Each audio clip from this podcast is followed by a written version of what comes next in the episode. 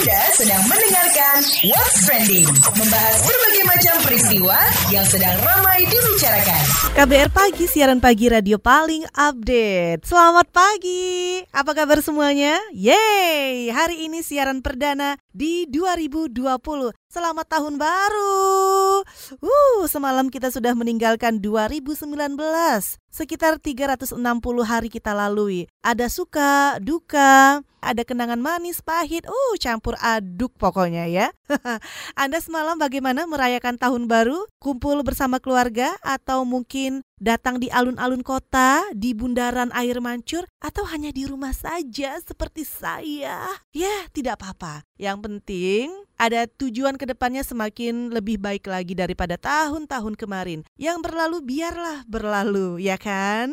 Nah ngomongin soal tahun baru juga nih Kemarin itu berseliweran nih tagar-tagar yang sempat trending Ada tagar tahun baru berkah Tagar terima kasih 2019 Pokoknya semua orang pengen di tahun 2020 ini punya harapan baru, punya resolusi juga. Anda punya resolusi apa nih kira-kira? Penetapan resolusi 2020 memang jadi hal yang populer dilakukan ya. Entah itu di media sosial atau mungkin ditanya-tanyain orang seperti semacam komitmen perbaikan diri di tahun mendatang. Kalau saya kulik-kulik di media sosial, ada beberapa resolusi yang diungkap warganet nih. Sebagian menyebut resolusi untuk lebih sehat, lebih berprestasi, atau juga lebih bijaksana dibanding tahun sebelumnya. Tapi ada juga yang sengaja untuk tidak menetapkan resolusi tahun baru karena merasa nggak pernah bisa memenuhi resolusi tahun sebelumnya.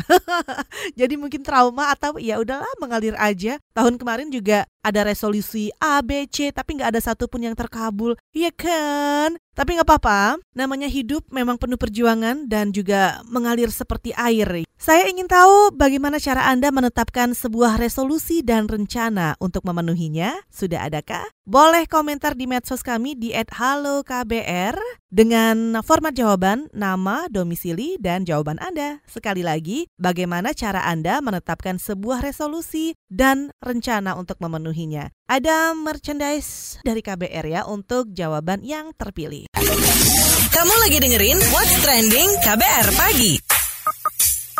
KBR Pagi, siaran pagi radio paling update tahun baru 2020. Berbagai kegiatan juga banyak sekali digelar di beberapa daerah di Indonesia nih ya sebagai peringatan pergantian 2019 menuju 2020.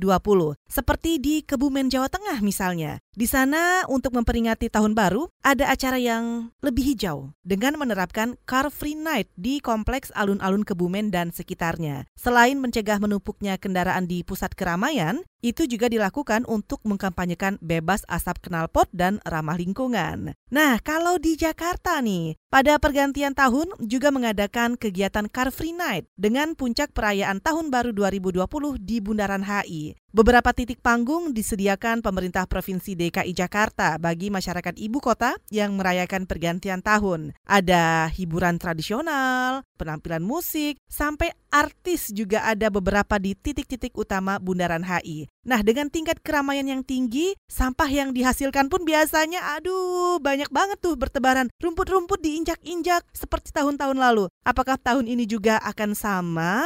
Nah, kita akan ngobrol bersama reporter KBR Heru Hai Tami yang sekarang ada di Bundaran HI. Seperti apa pantauannya? Apakah pesta akhir tahun menyisakan sampah yang bertebaran, rumput-rumput yang diinjak, atau seperti apa? Kita langsung sapa Heru, selamat pagi. Ya, selamat pagi Eka, selamat tahun baru 2020. Sama-sama. tengah berada di kawasan Bundaran Hotel Indonesia, ya di mana memang eh, Hotel Indonesia ini merupakan lokasi yang digunakan untuk perhelatan pesta pergantian tahun tadi malam. Berdasarkan pantauan saya di sini, di Jakarta sedang terjadi hujan yang cukup deras. Memang diketahui hujan ini terjadi sejak tadi malam sehingga mengakibatkan beberapa ruas jalan di Jakarta tergenang air. Dan selain itu, saudara dapat saya laporkan dari pantauan saya di sini masih terlihat sampah yang dihasilkan pasca pesta pergantian tahun tadi malam. Jenis sampah yang uh, dapat saya lihat di sini adalah uh, jenis sampah uh, dus makanan dan juga kemasan-kemasan makanan ringan Selain itu di botol minuman berbentuk plastik. Memang uh, tidak terlihat volume penumpukan sampah yang begitu besar. Namun sampai uh, saat ini saya tidak melihat begitu uh, petugas daripada PPSU maupun Dinas Lingkungan Hidup yang melakukan giat pembersihan di sekitaran Bundaran Hotel Indonesia. Demikian Eka pantauan dari saya dari Bundaran Hotel Indonesia untuk KBR. Terima kasih reporter KBR Heru Haitami melaporkan langsung dari Bundaran HI. Seperti apa situasi pasca perayaan tahun baru semalam ya? Masih ada sampah yang bertebaran, namun Heru tadi tidak melihat petugasnya. Mungkin salah satunya karena faktor hujan ya. Hujan juga memang mengguyur Jakarta dan sekitarnya. Kalau semalam itu dari mulai pukul 4.30 dini hari itu udah hujan ya ampun sampai pagi hari ini pun rintik-rintik hujan masih membasahi bumi Jakarta tercinta. Ya, tahun telah berganti, sebagian orang juga menandainya dengan pergantian resolusi hidup masing-masing. Nah, seperti apa sih bentuk-bentuk resolusi dari masyarakat? Kita dengarkan berikut ini. Nama saya Yadi dari Semarang, Jawa Tengah. Saya memiliki resolusi untuk tahun 2020 yakni bisa mendapatkan beasiswa ke luar negeri untuk program kebudayaan bahasa Jawa. Uh, sebenarnya untuk resolusi tahun 2020 ini berbeda dengan resolusi-resolusi sebelumnya. Memang baru diterapkan atau dicanangkan untuk 2020 karena pada 2019 salah satu resolusi bisa bekerja di tempat yang berbeda dengan kantor sebelumnya itu sudah tercapai. Ya, memang untuk resolusi dari tahun ke tahun itu enggak terlalu muluk-muluk tetapi yang paling penting tahapan atau prosesnya kita mulai terlebih dahulu. Walaupun itu sudah dimulai dari dua tahun yang lalu atau tiga tahun yang lalu yang penting prosesnya sudah berjalan dan tidak terlalu tinggi tetapi itu bisa minimal bisa menyenangkan atau memuaskan diri atau memuaskan hati. Saya Dani dari Bogor. Resolusi 2020 saya adalah bisa bahasa Korea karena pada tahun 2019 ini saya mungkin masih terbatas di beberapa bahasa jadi saya kepengen tahun depan paling enggak saya bisa uh, bahasa lain selain bahasa Inggris gitu sih.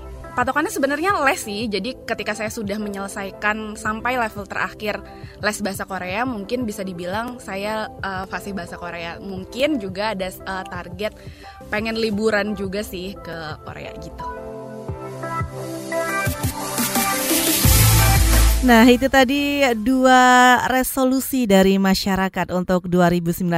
Ada yang ingin bisa bahasa Korea gitu ya di tahun ini. Ada juga yang ingin dapat beasiswa ke luar negeri untuk uh, melestarikan budaya Jawa. Wow, asik-asik dan keren-keren resolusinya. Nah, kalau Anda apa nih resolusinya dan rencana untuk memenuhinya? Boleh komentar di media sosial kami di Twitter di @halokbr Cara jawabnya, nama, domisili, dan juga jawaban Anda.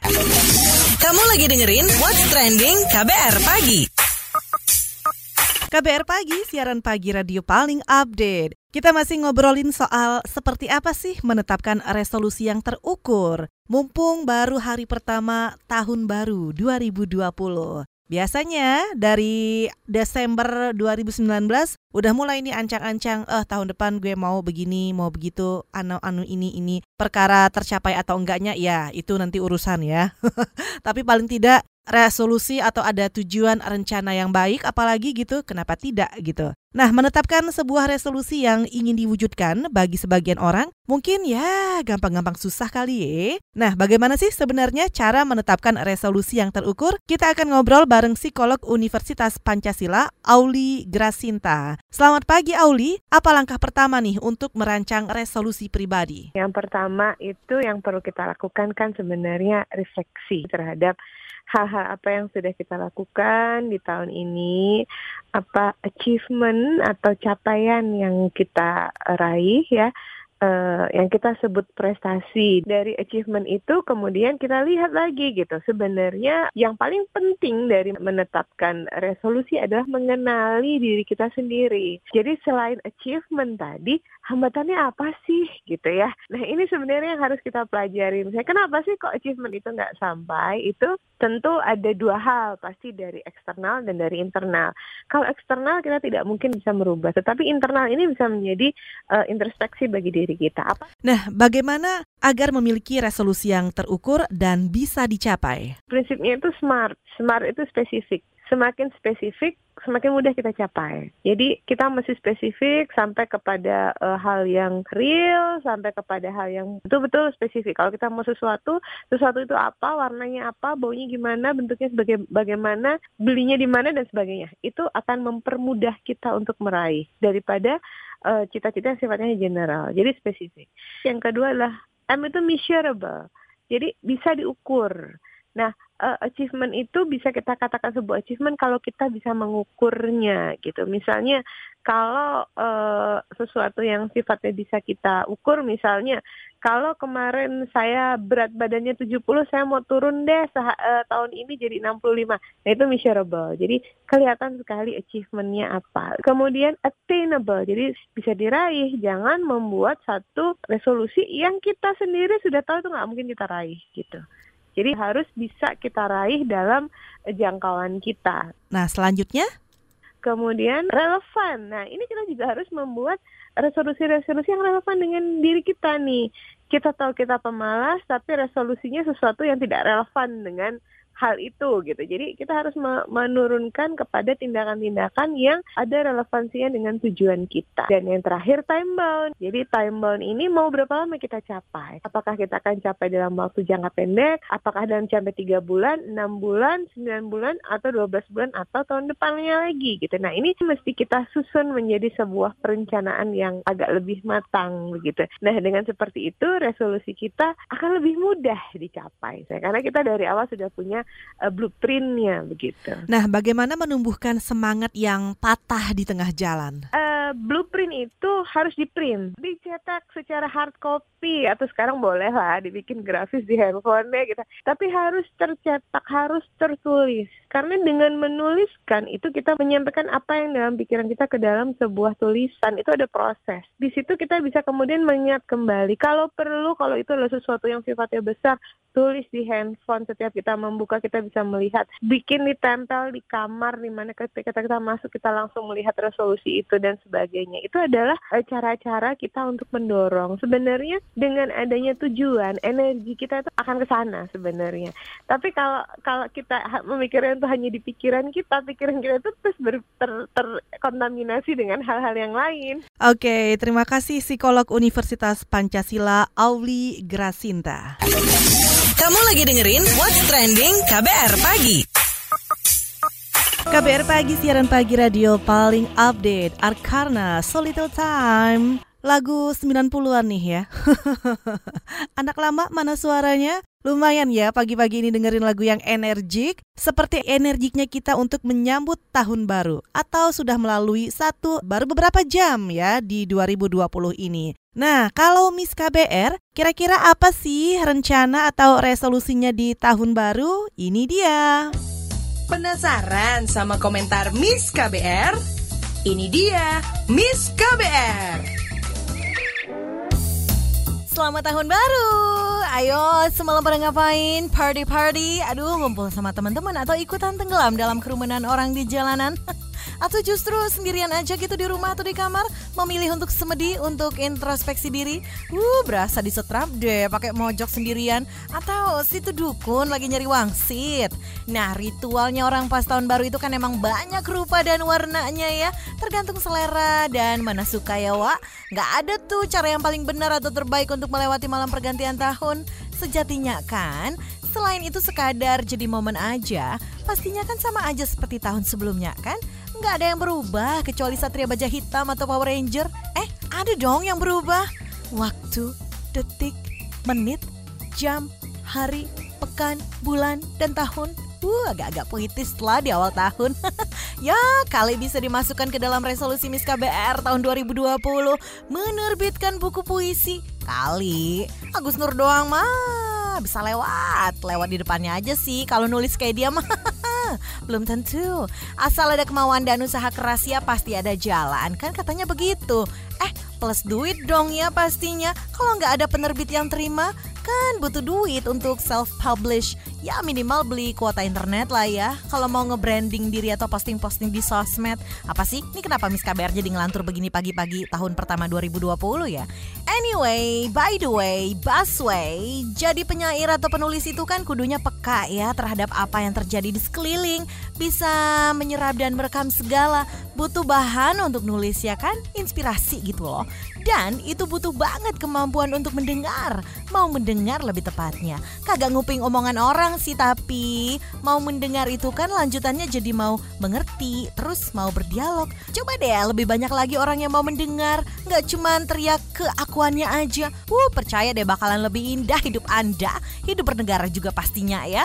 Sudah ya, ya, ya, Miss KBR mau lebih banyak mendengar. Kalau resolusimu apa dong? Itu dia tadi komentar dari Miss KBR. Mau tahu besok Miss KBR bakal komentar apa lagi? Tungguin cuma di KBR Pagi.